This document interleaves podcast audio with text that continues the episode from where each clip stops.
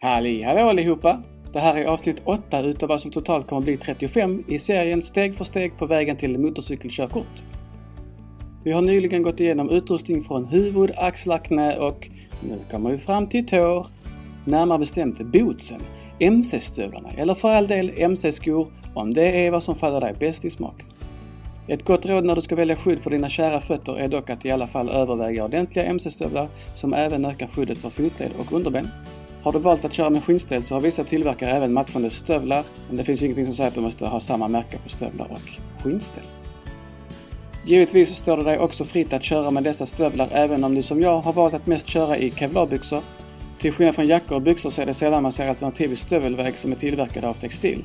Det finns egentligen inga rätt eller fel utan det viktigaste är att vad du än har på fötterna så ger de ett gott skydd och känns bekväma att använda. Och oavsett om du bara ska pendla till jobbet i stan eller köra långa härliga landsvägar så finns det gott om olika modeller som borde passa din fot och din stil. Så med det sagt så är det dags för läxa! Som såklart går ut på att du återigen tar dig till din närmsta MC-handlare, provar ut ett par stövlar eller skor som passar dig perfekt. Tack för denna gången. Om du ser det här på Youtube, glöm inte prenumerera och klicka gärna på den där lilla ringklockikonen och aktivera notifikationer så att du får veta när jag släpper nya videos eller avsnitt eller eh, vloggar eller vad jag nu ens släpper.